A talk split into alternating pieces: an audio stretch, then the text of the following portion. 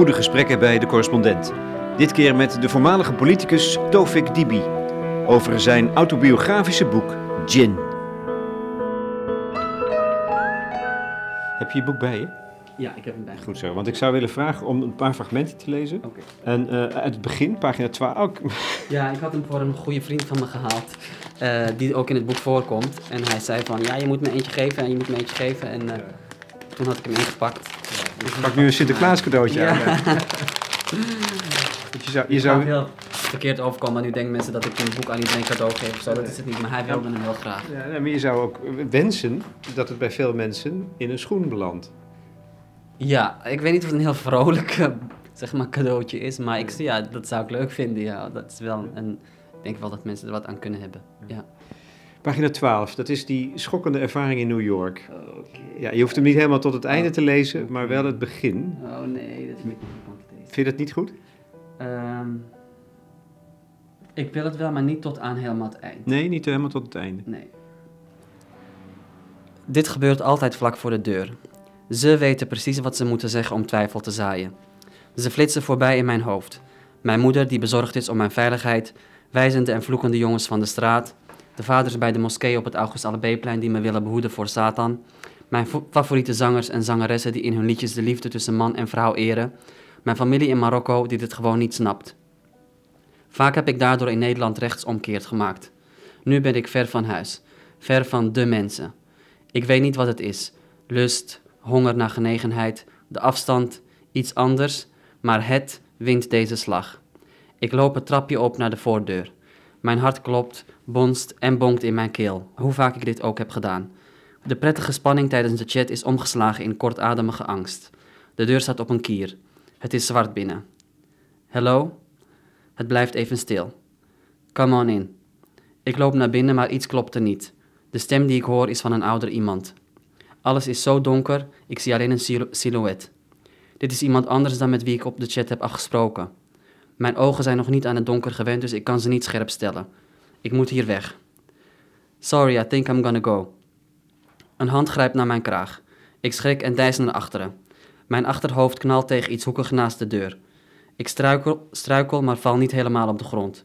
Ik probeer mezelf omhoog te duwen en draai me om in de richting van de deur. Twee handen grijpen me. Eén mijn arm, de andere mijn been. Ik kan nog steeds niet goed zien. Please, I need to go, breng ik heel zwak uit. My friend has this address. I always make sure someone knows where I go if I do something like this. Er wordt aan mijn kleren getrokken. Ik treuzel met opzet. Er volgt een stoot in mijn gezicht. Dit is menens. Mijn broek wordt omlaag getrokken. Ik probeer het tegen te houden, maar het lukt niet. Ik zie nog steeds slecht in het donker. Daar gaat de schoen. Ik haal mijn andere voet snel weg. Als ik niet tegenstribbel, krijg ik geen klappen meer, zegt hij. Ik gebaar alsof ik me daarbij neerleg. Ja, en dat is niet het einde van deze scène, waarmee je Gin begint, Tofik Dibi. Ehm, je vindt het moeilijk om het te lezen. Hoe moeilijk was het om het te schrijven? Eh, makkelijker dan om het te zeggen. Ik heb het voordat ik het boek uitbracht tegen een paar mensen gezegd, zeg maar. En eh, eh, schrijven is voor mij altijd makkelijker geweest. Ik schrijf al vanaf dat ik me kan herinneren. Sommige zinnen uit dit boek komen ook uit schriften van toen ik elf was, zeg maar. Die had ik letterlijk nog van die tijd. Ehm, dus eh, het schrijven was veel makkelijker. Alleen wat wel ehm, moeilijk was, was dat eh, door het te schrijven werd het ineens echt... In mijn hoofd was het altijd een beetje... eh, ik had het gewoon een soort... Het was gewoon een herinnering die ik, die ik ver ergens achter in mijn hoofd had verstopt. En ehm, als, als je het in woorden moet vatten, dan wordt het gewoon ineens heel echt. Dus dan realiseer je ook wat er is gebeurd. En dat realiseerde ik me eigenlijk nooit echt daarvoor. Ik was zo snel daarna, want ik was toen Kamerlid. Ehm, ik was toen zo snel bezig met, oké, hoe haal ik de blauwe plekken weg? Eh, hoe zorg ik ervoor dat als ik terug ben niemand iets ziet? Ehm, en ik kwam ook gewoon weer terug in de hectiek van het werk. Dus ik, ik heb er eigenlijk helemaal niet stil bij gestaan. Nee, ja, je verdrongen. Maar dat is juist als je gaat schrijven, dan moet je er, Ja. er naar terug en doorheen. En ik kan me niet voorstellen dat dat voor jou makkelijk is geweest. Of dat dat, dat, dat, dat, dat, dat de moed is geweest. Ja, nee, dat was, het schrijven was wel... Was, was, het is makkelijker dan zeggen, maar het was wel een, een hels proces, zeg maar. Niet alleen de- deze passage. ehm, passages waar geen geweld bij zat, zeg maar, waren soms ook extreem moeilijk om te schrijven. Omdat je gewoon ineens... Als het gewoon zwart-wit op papier staat, dan is het ineens heel veel concreter of zo. Waarom ik het er wel in heb gedaan, want ik heb heel lang getwijfeld. En ik had echt nog tussen andere dingen kunnen kiezen. Ik heb heel bewust gedoseerd in wat ik er wel en niet in heb gedaan in dit boek. Maar is omdat ik ook wil laten zien aan de families vooral en de omgeving van mensen als ik. Wat de consequenties zijn van zo'n ondergronds leven leiden of on the down low, zoals ze dat in Amerika noemen. Ehm, dit is dus wat er kan gebeuren. Dit is maar één ding. Ik heb echt nog veel ergere dingen gezien. Maar En- dit, dit is een verkracht, je wordt verkracht hier. Ja. Wat is dan nog erger? Nou, er zijn echt wel ergere dingen. Ik bedoel. eh, nou ja, er zijn genoeg dingen gebeurd, laat ik het zo maar zeggen. Maar niet alleen met mij. Ik heb ook genoeg verhalen van anderen gehoord. Van wat er dan kan gebeuren als je zo'n. in een wereldje terechtkomt. Van, vooral in het nachtleven, vooral. Met mensen die allemaal geheimen, geheimen te verbergen hebben. En dus dingen te verliezen hebben. Het is gewoon een. ehm, het, kan, het kan heel leuk zijn. En lekker en spannend. Voordat het lijkt alsof het alleen maar kommer en kwel is. Maar het kan ook gewoon levensgevaarlijk zijn. En ehm, ja, Ja. dat is waarom ik het erin heb gedaan, Ja. zeg maar. En daarom staat het ook Ja. voorop, als het ware. Ja. Je hebt het geschreven, eh, voor een groot deel, in het, in, als het ware op de grens van de openbaarheid. In, in, in kroegen, eh, cafés, Ja. de, de, de, heet het, de waterpijpbar op de Rozengracht. Mhm. Dat is grappig, hè? want eh, Ja. alsof je daar, als, he- heeft het jou geholpen om de openbaarheid te betreden met je geheim? Ja, dat was echt bizar, want ook zeg maar, het groot, grootste gedeelte van het boek, eh, zeg maar twee plekken zijn het meest dominant geweest. Eentje is het huis van mijn oma in Marokko. Waren ook steeds mensen binnen en naar buiten kwamen en zich afvroegen van wat doet die jongen de hele tijd, waar schrijft hij over? En de Shisha Lounge, de Waterpijpcafé in de Rozengracht, waar heel veel zeg maar jong scholieren, eh, heel multicultureel, jongens met vriendinnetjes stiekem afspreken en zo. Eh, meisjes met hoofddoeken die stiekem daar eh, een waterpijp gaan roken. En, en ehm, wat, het, wat dat dus deed, was dat ik constant tijdens het schrijven dacht van... Dit zijn ze. Dit zijn de mensen waar ik altijd bang voor was. En ik zit nu tussenin, zeg maar middenin ze letterlijk te schrijven. En ze vragen me ook heel vaak van... Waar gaat het boek over, Tovik? Waar gaat het boek over, Tovik? En dan zei ik vaak van... over mijn leven. Ik weet niet of jullie het leuk gaan vinden. Dat, dat zei ik altijd wel expliciet erbij. Ik deed het echt stapje voor stapje.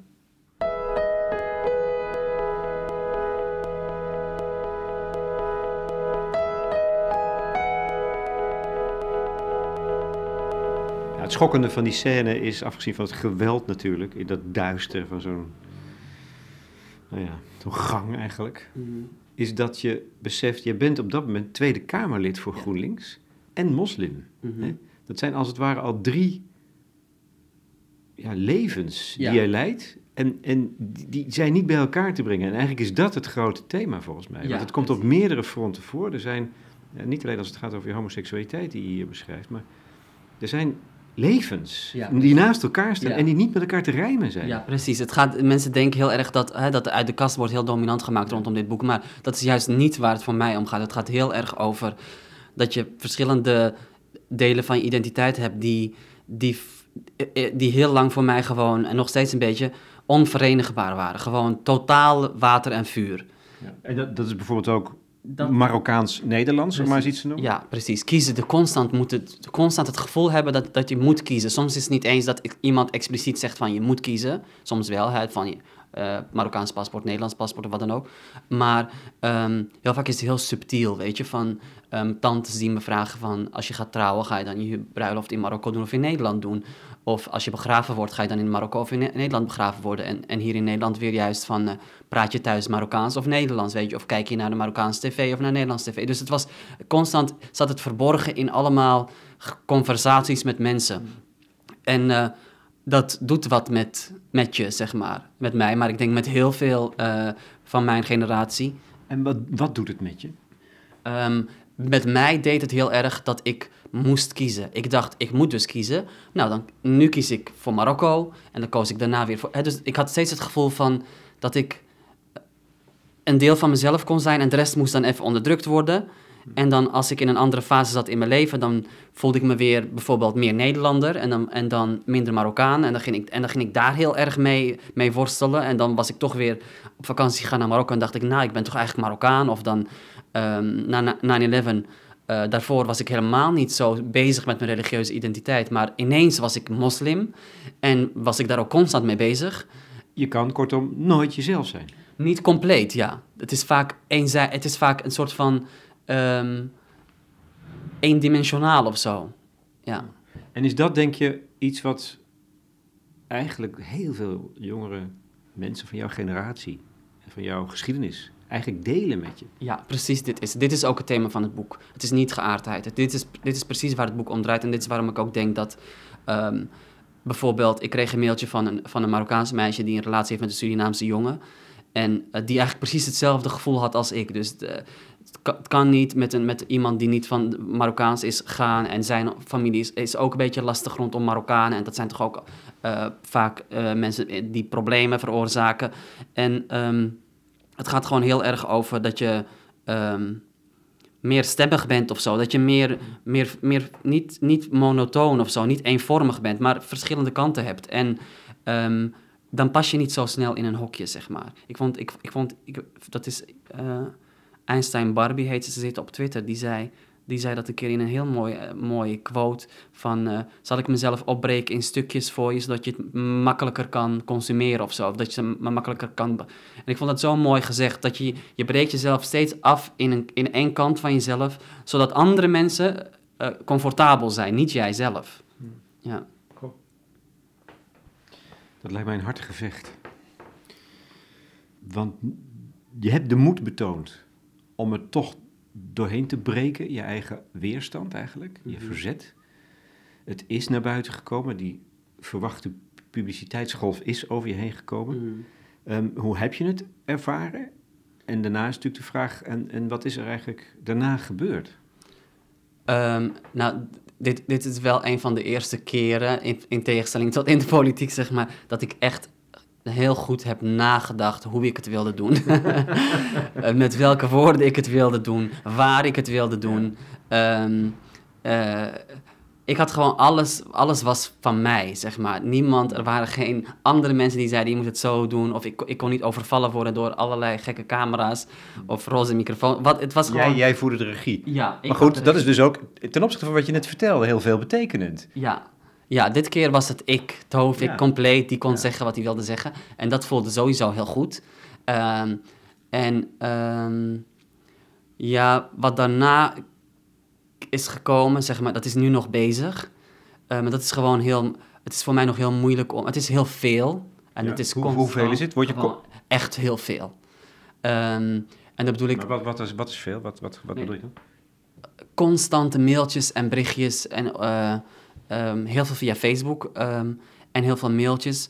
En mijn mailadres moet je uiteindelijk vinden door mij op Twitter te zoeken, want daar staat mijn mailadres. Dus blijkbaar hebben mensen dan ook dan de behoefte om te zoeken van hoe ze in contact met je kunnen komen. En het zijn gewoon heel veel. ehm, nou ja, het meeste is echt van Marokkanen moslims eh, die eh, eh, blij zijn voor me, of die trots zijn, of die zelf dezelfde issues hebben. Of soms issues die erop lijken, maar in ieder geval die eh, worstelen met zichzelf, vechten met zichzelf. Ehm, een paar willen me redden en vinden het heel jammer dat juist ik, die zo goed bezig was in de Kamer, nu dit zegt. Want nu breng ik mezelf bij ze in discrediet, zeg maar. Dus die heb je ook wel. Ehm, een paar die zeggen dat je naar de hel gaat. Ehm, maar echt, overweldigende meerderheid is heel positief en liefdevol. En dan heb je opvallend genoeg heel veel eh, christelijke mannen. Echt, echt veel. Het is echt een bizar... Dat is, dat is dus wat ik niet had verwacht van Nee. tevoren. Uh, autochtone jongens ook wel, maar dan niet uit de grote steden, maar meer uit de regio. Ehm, en de christelijke mannen zeggen allemaal bijna hetzelfde. Eh, ik heb dit 20 jaar geleden, 30 jaar geleden meegemaakt. Of ik was getrouwd en ik ben net gescheiden. En ik herken zoveel in het boek. En eh dankjewel. Uh, het is gewoon zo grappig hoe dat, Ja. hoe dat, dat, dat, dat dan toch blijkbaar universeel is of zo. Ja, je had niet verwacht dat je die groep nog eens zou kunnen helpen. Nee, nee, nee, totaal niet. Nee, en soms willen ze ook... eh, soms sturen ze een foto mee. Echt waar. Dan is het van... eh, als je een keertje in de buurt bent, laat het weten. En ga je daar ook op in? Eh, nee, dat ga ik, nee, nee, nog niet. Ik ben, er, ik ben er nog niet op ingegaan. Ik zit te twijfelen over een aantal. Niet, niet, niet deze toevallig, maar ik zit te twijfelen of ik op een aantal verzoekjes inga. Ik weet niet. Ik vertrouw het niet meteen. Ik, Maar, waar- ik waarom doe je het niet? Nee, ik, je weet gewoon niet precies wie... wie Nee. Ja, dat blijkt uit die New Yorkse Ja, ervaring. En, en ik heb meer van dat soort ervaringen gehad. Dus je weet nooit wie, wie mailtjes naar je sturen ehm, en wie wat willen. Maar is er ook veel vanuit de moslimgemeenschap, jongeren, jongens, meisjes, die ehm, iets herkennen van bijvoorbeeld de worsteling met de seksuele geaardheid? Ja, ja en komt, komt dat los als het ware? Ja, wel een beetje. Ehm, en eh, die willen vaak afspreken, vaak ook eh, in het geheim. Dus ze zeggen ook heel expliciet van... eh, je mag niks met deze reactie doen. Omdat ze dan bang zijn dat ik dat dan overal ga vertellen of zo. Terwijl ik begrijp heel goed hoe... Ik bedoel, dit is precies waarom ik dus nooit ehm, hulp zocht in mijn tijd. Of dat ik bijvoorbeeld naar... ehm, je, had, je hebt bepaalde plekken waar je heen kon gaan als, als, als, als homo of als moslim, homo, wat dan ook. Ik ging daar nooit heen. Omdat ik dacht, zodra iemand me ziet of een keertje iets weet, dan wordt er geroddeld en voor je het weet. Dus ik begrijp heel goed de mensen die me mailen van wat, ze bedoelen als ze dat zeggen. En sommigen zeggen ook van, ik zal het nooit doen, wat jij hebt gedaan. Maar, dankjewel, dankjewel, dankjewel. Ehm dat herken ik ook heel erg, want ik dacht tot op niet lang geleden dat ik dit echt in mijn graf zou meenemen. Ook al dat, had ik wel het gevoel dat heel veel mensen het door hadden of zo. Maar ik dacht gewoon, dit zal nooit hardop gezegd worden. Ehm, en eh, daar, ik, met deze ga ik wel afspreken. Ik heb al met een paar afgesproken en ik ga nog met een paar afspreken. En, eh, nou ja. Ik, ik, ik, ik hoorde dat je van plan bent om scholen in te gaan. Mhm. Doe je dat al? Is zijn die uitnodigingen er al? Ja, er zijn wel al uitnodigingen en ehm, ik moet gewoon een beetje goed bedenken. ehm, ik wil een beetje concreet lespakketachtig iets hebben Ja. waarmee ik dan ook die scholen inga. Maar ik ben, ik ben met, in dat proces nu. Want Ik ga wel heel veel plekken af. Ik ga bijvoorbeeld volgende week naar eh, Ergen, dat is in mijn oude buurt in Slotervaart. Dat is een Marokkaans jongerencentrum. ja. En ehm, ik, ga, ik probeer wel naar de plekken te gaan, zeg maar, waar ik, de- waar ik ook denk dat de groep zit die ik moet spreken. Ik zag vandaag een bericht ehm, via de Telegraaf dat eh, jongens, dat nou ja, ho- homoseksuele jongens in scholen in Utrecht, op scholen in Utrecht, eh, vaak de, de zondebok worden. En dat het ook te maken heeft met eh, dat dat vaak ook de scholen in de multiculturele wijken zijn. Dus ehm, ik denk wel dat hier, zeg maar, een grote uitdaging ligt. Niet alleen voor mij. in de richting van emancipatie. Ja, gewoon mensen, mensen veranderen direct van mening als ze een gezicht zien. Ja. Direct. Ja. En als ze ook nog eens iemand zien die op ze lijkt en die gewoon eh, ze enigszins waar ze raakvlakken mee hebben, dan, ehm, dan zullen ze gewoon al. Na zo'n les weet ik zeker dat er zat zijn, misschien niet allemaal, die gewoon twee keer gaan nadenken de volgende keer dat ze iemand uitschelden.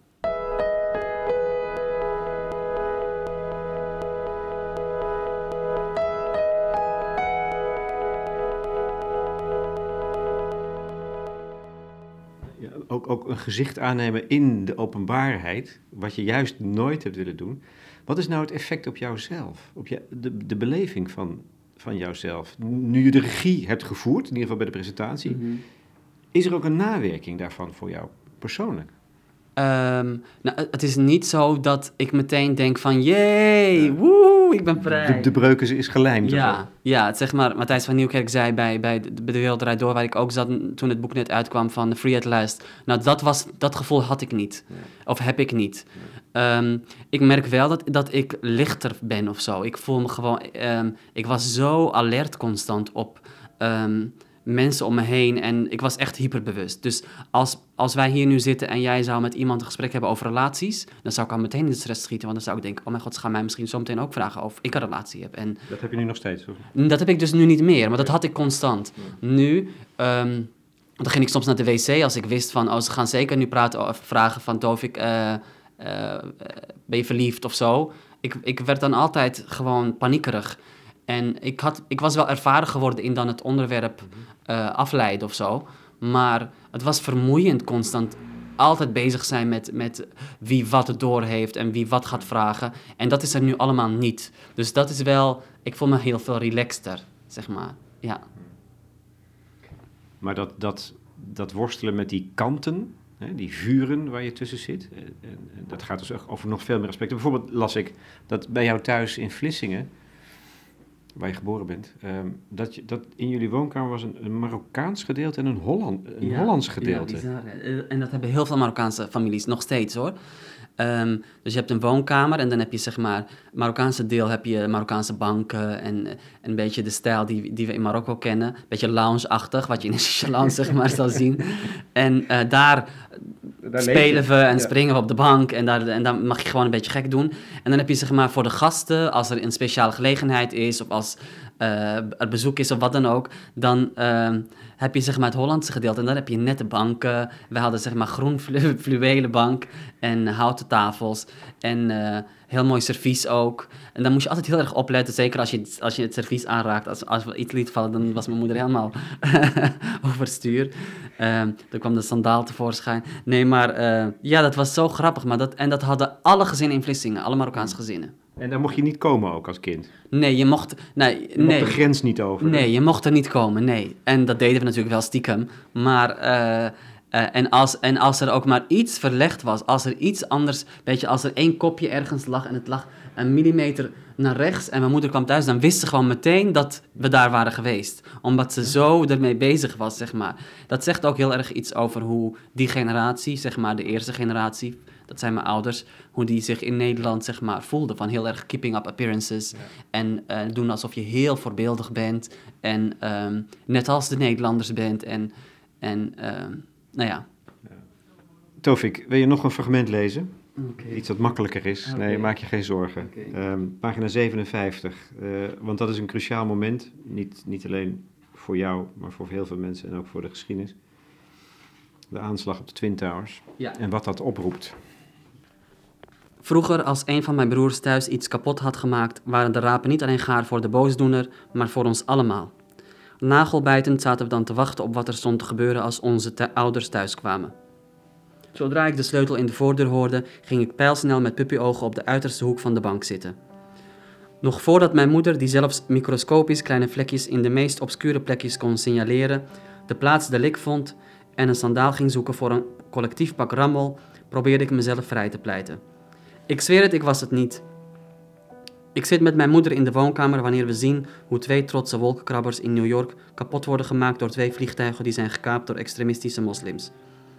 Als ik mijn moeders reactie zie, is het net of ik in een tijdmachine ben gestapt en ik mezelf weer op de bank zie zitten, starend naar de voordeur, in de hoop dat ze zouden zien dat ik er niets mee te maken had en de sandaal me bespaard zou blijven. Wat ik ook zei of deed, de sandaal maakte geen onderscheid tussen mij en mijn broers. Hoe meer ik zie en hoor, de mensen die uit de torens vallen, de allerlaatste telefoongesprekken met geliefden, hoe meer het voelt alsof ik iets uit te leggen heb. Ik probeer voor mijn paniekerige moeder een zo nonchalant mogelijk gezicht te veinzen, maar mijn kaken ontspannen zich niet. Dit is een wending in jouw leven, dit ja. moment. Ja.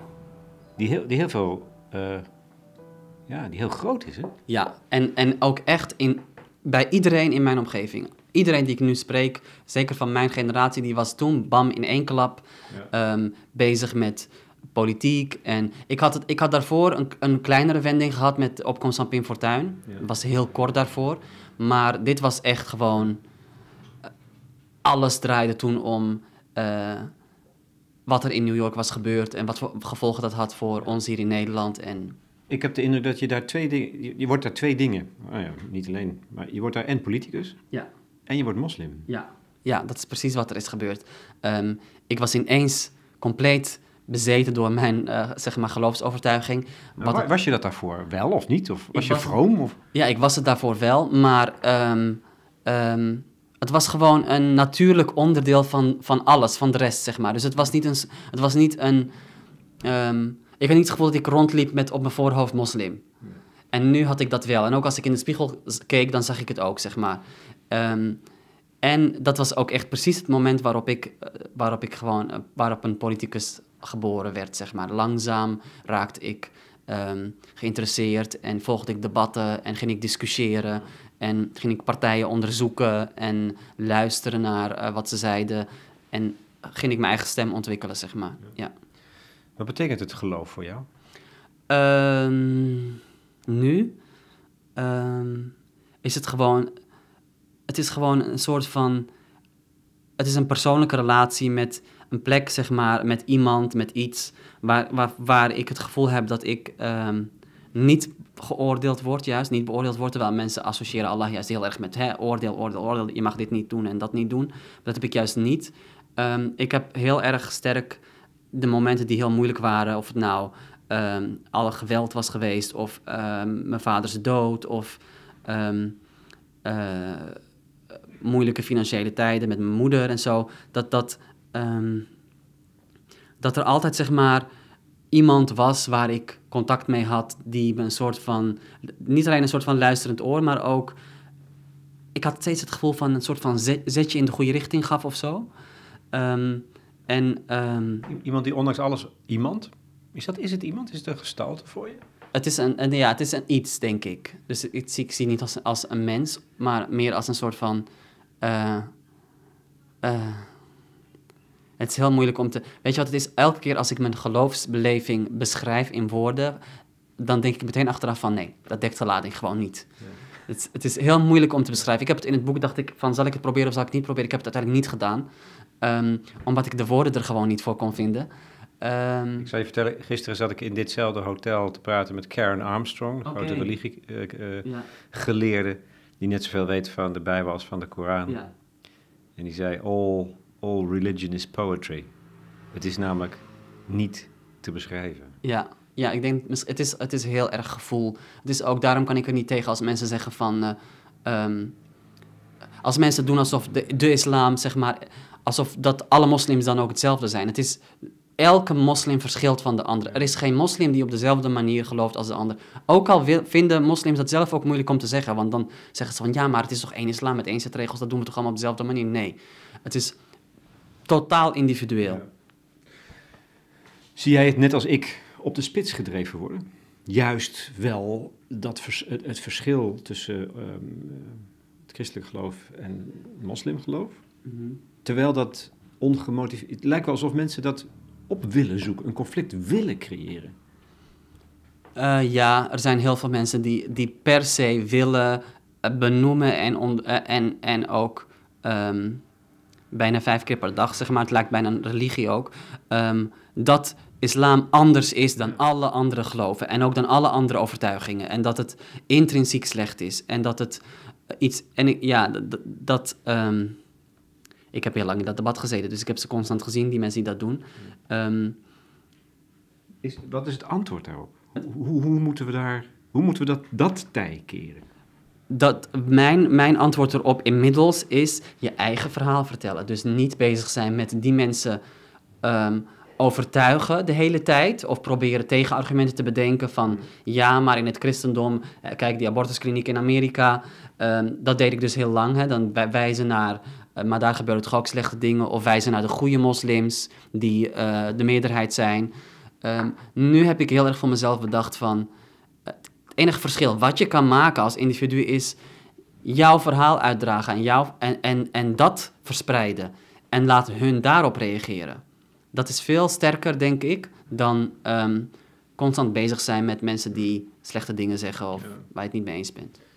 Ja, wat ik, als je bijvoorbeeld Armstrong leest, dan zit er in zowel bij in het christendom als bij de islam, zit daar in oorsprong, bij Mohammed en bij Paulus, zit daar een visioen van een betere wereld. En dat dat heel nauw verbonden is met hun geloofservaring. Dat is niet iets wat alleen maar in je hoofd zich afspeelt. Nee, dat is een concreet appel om, om deze wereld beter in te richten. Heb jij dat, ervaar je dat ook zo? Ja, ik ervaar dat ook zo. En ik ervaar in die zin die religies... Ik heb op een katholieke basisschool gezeten en we, we lazen daar constant de Bijbel ook.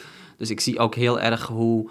Um, hoe er, zeg maar, de essentie van de drie religies is gewoon hetzelfde. Ik noem nu deze drie. Ik noem het Jodendom, Christendom en, en um, de islam. Maar je zou ook nog allerlei andere erbij kunnen halen dat is echt wel van mensen, haal het beste uit jezelf en, laat, laat, en, en zorg voor je omgeving en laat deze wereld een beetje mooi achter. Dat, is, dat, zit, dat zit in alles.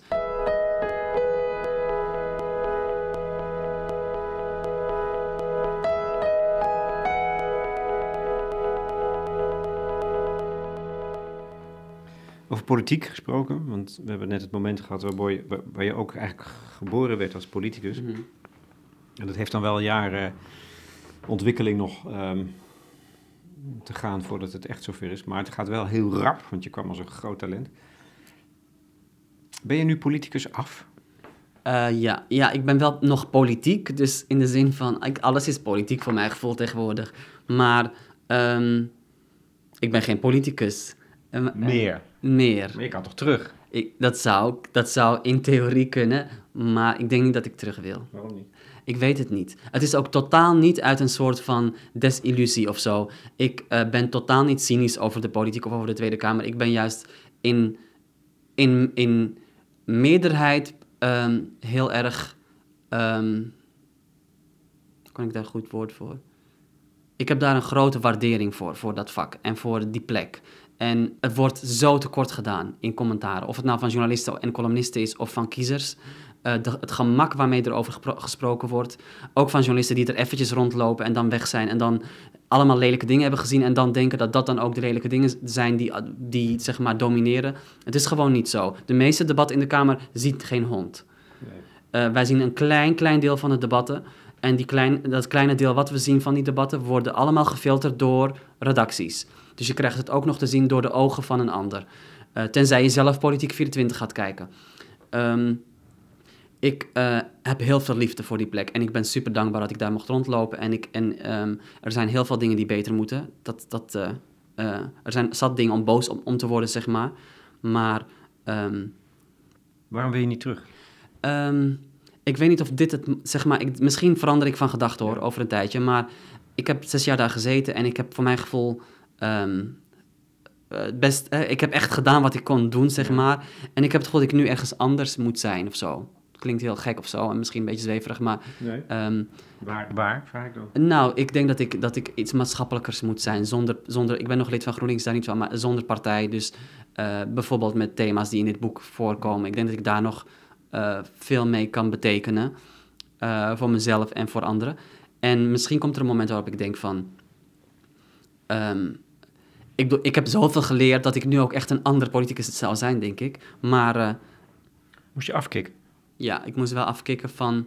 ehm, niet van wat mensen denken van de aandacht of zo, maar ik moest wel afkicken van. Ik ben nog steeds gek op debat. Dus ik. Ook thuis, ik bedoel, het is heel irritant met mijn broers en met mijn moeder. Die zeggen heel vaak, en vrienden ook, van... Soms dan zeggen ze gewoon iets over iets willekeurigs. En dan ga ik meteen in het soort van met tegenargumenten komen. En zeggen ze van, hallo, hallo, hallo, je bent niet in de Tweede Kamer. Je bent niet, niet met ons in debat, praat normaal.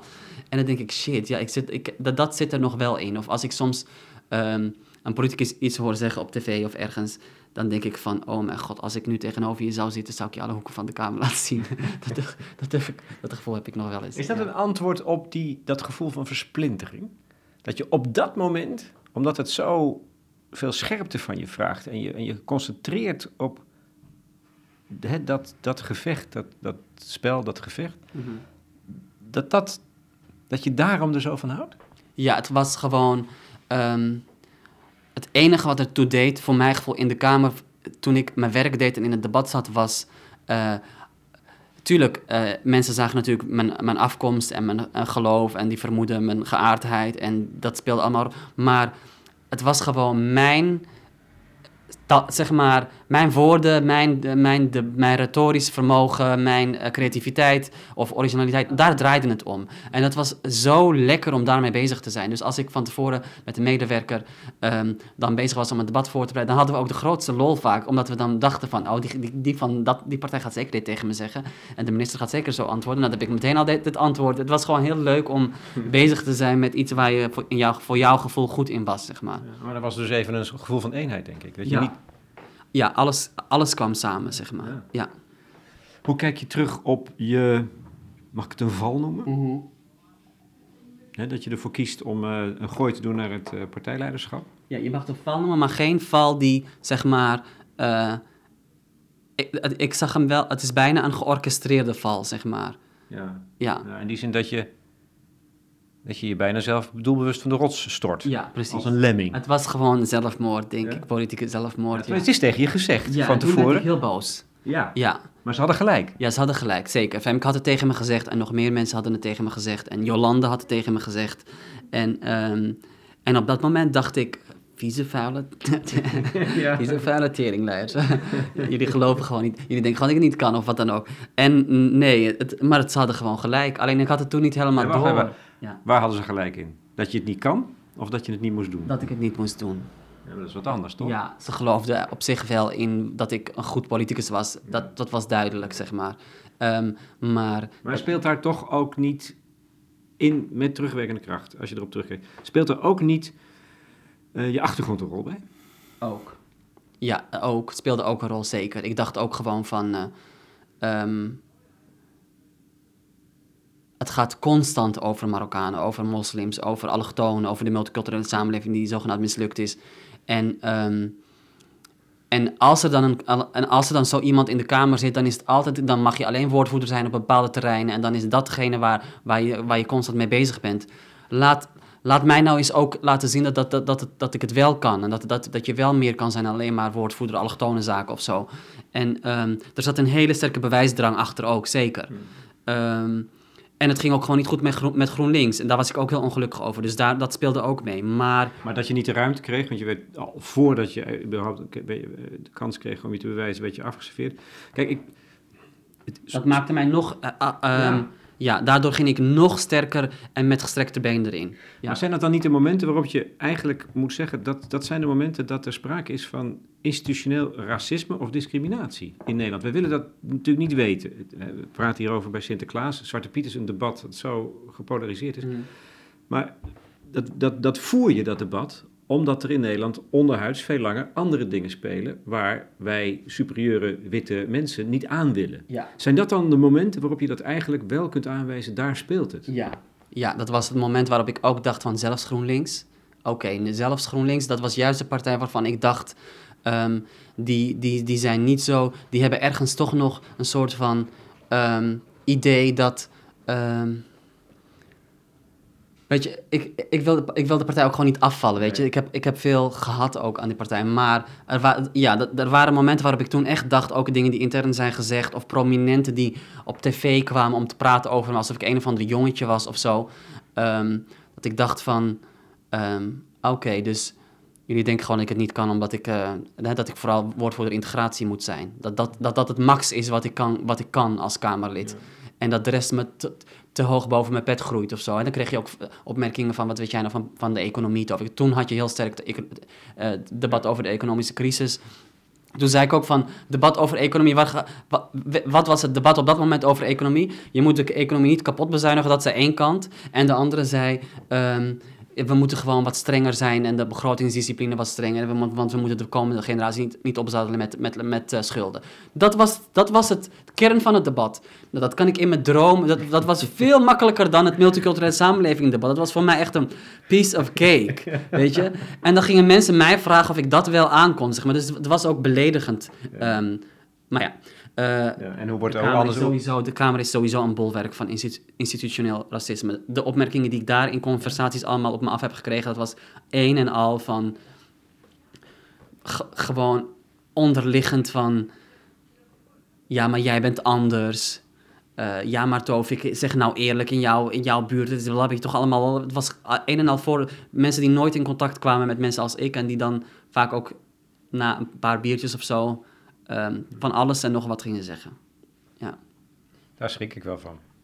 Ja, nou ja, ik. Uh, het is een bubbel. Het is zo afgesloten. Het is een bubbel in de zin van. Um, dat merkte ik ook aan mezelf op een gegeven moment. Je bent zo. Je, je wordt zo gevormd door nieuws en door tweets en door voorlichters. En een bepaald taalgebruik daar. Het is echt een soort van. Um, ik ben het niet eens met mensen die zeggen van het is losgezongen van de realiteit of zo, maar het is echt wel een uh, parallele werkelijkheid of zo. Speelt dat allemaal mee als je dan instinctief, onbewust het besluit neemt om je van die, van die rots af te storten? Ja, dit speelt allemaal mee. Dat je denkt van ik ga laten zien dat het anders kan of ik ga bewijzen dat. Maar dat is, het is zo'n goed geoliede machine die accepteert helemaal niet een individu die het even lekker anders wil doen of zo. Dan word je meteen zeg maar. Um, ik bedoel, kijk naar Sharon Gesthuizen en, en uh, Ron Meijer, die hele uh, voorzittersverkiezing bij de SP. Dat, dat, ik, ik, ik moest heel erg denken aan wat er gebeurde met, bij GroenLinks toen ik dat zag. Was ook eigenlijk gewoon iemand die probeert net een beetje het anders te doen. En dan, krijg je al de powers that be die dat dan meteen een kopje kleiner willen maken. Terwijl je er zo relaxed op kan reageren, weet je. Je kan er misschien nog wel winst uit halen ook. We hebben de Hollandse uitdrukking voor dat je je kop niet boven het maaiveld moet uitsteken. Ja, precies, dat is het, ja. Um, wat, wat doe je dan de, de laatste jaren, afgezien van schrijven? Want dan vind je dan ander werk meteen? Of is het heel erg zoeken? Nee, het was heel erg zoeken. Het was ook heel moeilijk, omdat ik uh, um, heel, heel erg in het nieuws was en heel erg controversieel in het nieuws was. Dus um, de, zeg maar, het netwerk dat ik heb aangeboord voor werk was, was niet zo enthousiast, om het maar zo te zeggen. Ik heb een schooljaar les gegeven toen, maatschappijleer. Het was heel erg leuk, heel erg zwaar ook. En, um, wat was daar zwaar aan?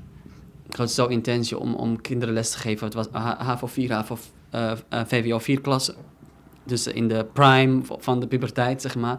En... Uh, ik kan me voorstellen dat je, dat, dat je ook een geweldige leraar zou zijn. Ja, nou, ik, dat, weet ik, nou ik, ik, dat weet ik niet, maar uh, ik, uh, want het is echt wel een vak wat je moet leren. Het is echt niet iets wat je zomaar erbij kan doen, daar ben ik ook achter gekomen.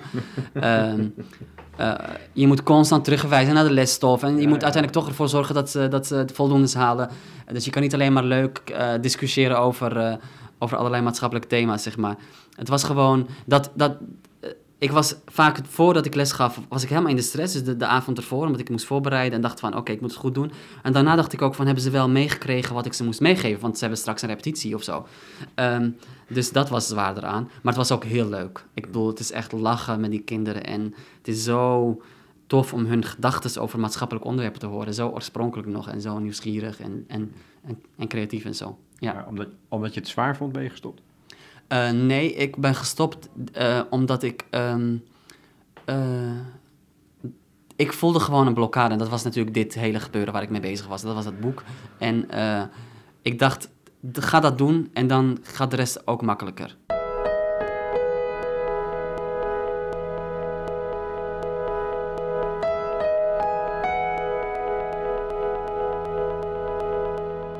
Ben je dan tot slot ik nog een citaat lezen, 134, 135. Oké, okay, Gelukkig is het zover. De uitslag van het referendum. Jolande en ik krijgen hem als eerste vertrouwelijk te horen. Ze wint met 84% van de stemmen. Ik krijg 12%. Tijdens de persbijeenkomst feliciteer ik haar met haar bijna Oost-Europese overwinning. Tegen journalisten zeg ik plichtmatig dat ik haar running mate wil zijn. Als ik weer met de kandidatencommissie in gesprek moet over mijn plek op de lijst, deel ik de leden mee dat ik op 10 wil, een onverkiesbare plek. Ze zijn zichtbaar opgelucht. Ze zaten met me in hun maag. Kort na de uitslag van het referendum is daar die Samuel weer, met een opinieartikel in de NRC Next, waarin ze bemoeizuchtige dingen zegt die ik al jaren in mailtjes of tijdens gesprekjes op straat of met partijgenoten heb moeten aanhoren. Dibi heeft de verkiezingsstrijd om het partijvoorzitterschap verloren, maar er is een andere strijd die op hem wacht en die hij kan winnen. Dus Dibi, wees een held en spring op de bres voor al die mensen die wel uit de kast willen komen, maar niet durven en een boegbeeld nodig hebben zoals jij. Ieder mens heeft drie levens: een publiek leven, een persoonlijk leven en een geheim leven. Ben ik pas echt vrij als ik mijn geheime leven openbaar maak? Of is het juist een teken van vrijheid als ik de keuze heb om dat niet te doen? Wil ik zo verder leven, tot het een keer echt fout gaat? Dat is achteraf het punt waar deze hele kandidaatstelling uit is geboren. Ik wil me verliezen in andere dingen, te bezeten bezig zijn met mijn werk om ze te horen. Nooit kunnen stilstaan bij het. Het persoonlijk is politiek. Ik heb me opgeworpen als redder van de partij in de hoop de partij wel te kunnen redden, want mezelf redden lukt niet. Ieder mens heeft drie levens. En jij hebt er nog veel meer. um, ga je ze nou bij elkaar kunnen krijgen. Of het als eenheid ervaren of accepteren dat er zoveel verschillende levens zijn die je leidt. Ehm, ik, probeer ze, ik probeer er in ieder geval voor te zorgen dat geen van die drie levens zo gevaarlijk wordt dat, dat, zeg maar, die, dat het gewoon een einde kan zijn van je leven, om het maar zo te zeggen. Maar ik vind nog steeds dat je geheimen mag hebben. Ik heb nog steeds geheimen, voor alle duidelijkheid. Ik heb nog steeds een geheim leven. Maar, ehm, en ik vind ook dat iedereen recht heeft op geheimen. En ik ik, ik moet ook echt zeggen dat de mensen die mij, zeg maar, mijn geheimen met geweld proberen te openbaren in de tijd dat ik in de kamer zat, die hebben ook echt wel. Um, um,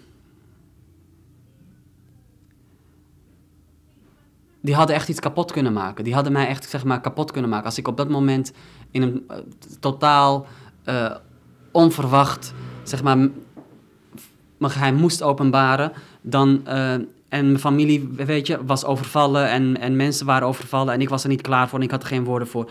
Dan had ik ook, had ik ook weet je, dan had het ook fout met me kunnen aflopen, om het maar zo te zeggen. Ehm, en ik weet zeker dat die mensen die dat deden zelf ook geheimen hebben. Moet, denk je eens in hoe het is als die geheimen ineens op straat worden gegooid door iemand anders die vindt dat je die geheimen maar moet openbaren. Ehm, dus ehm, nee, ik vind dat je nog steeds eh, je geheime leven mag hebben. Alleen in mijn, in mijn geval was dat geheime leven was gewoon te gevaarlijk aan het worden. Zo simpel was het. Eh, het is zo vaak bijna misgegaan dat, eh, dat, het, dat, het, dat het gewoon onhoudbaar was, zeg maar. Dan ben ik blij dat je met een deel in ieder geval naar buiten bent getreden.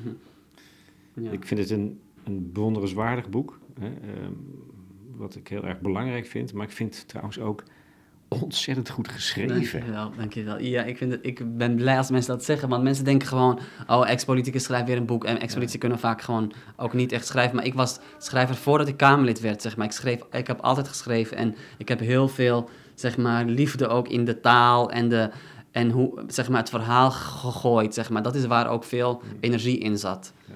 Ja. Dankjewel.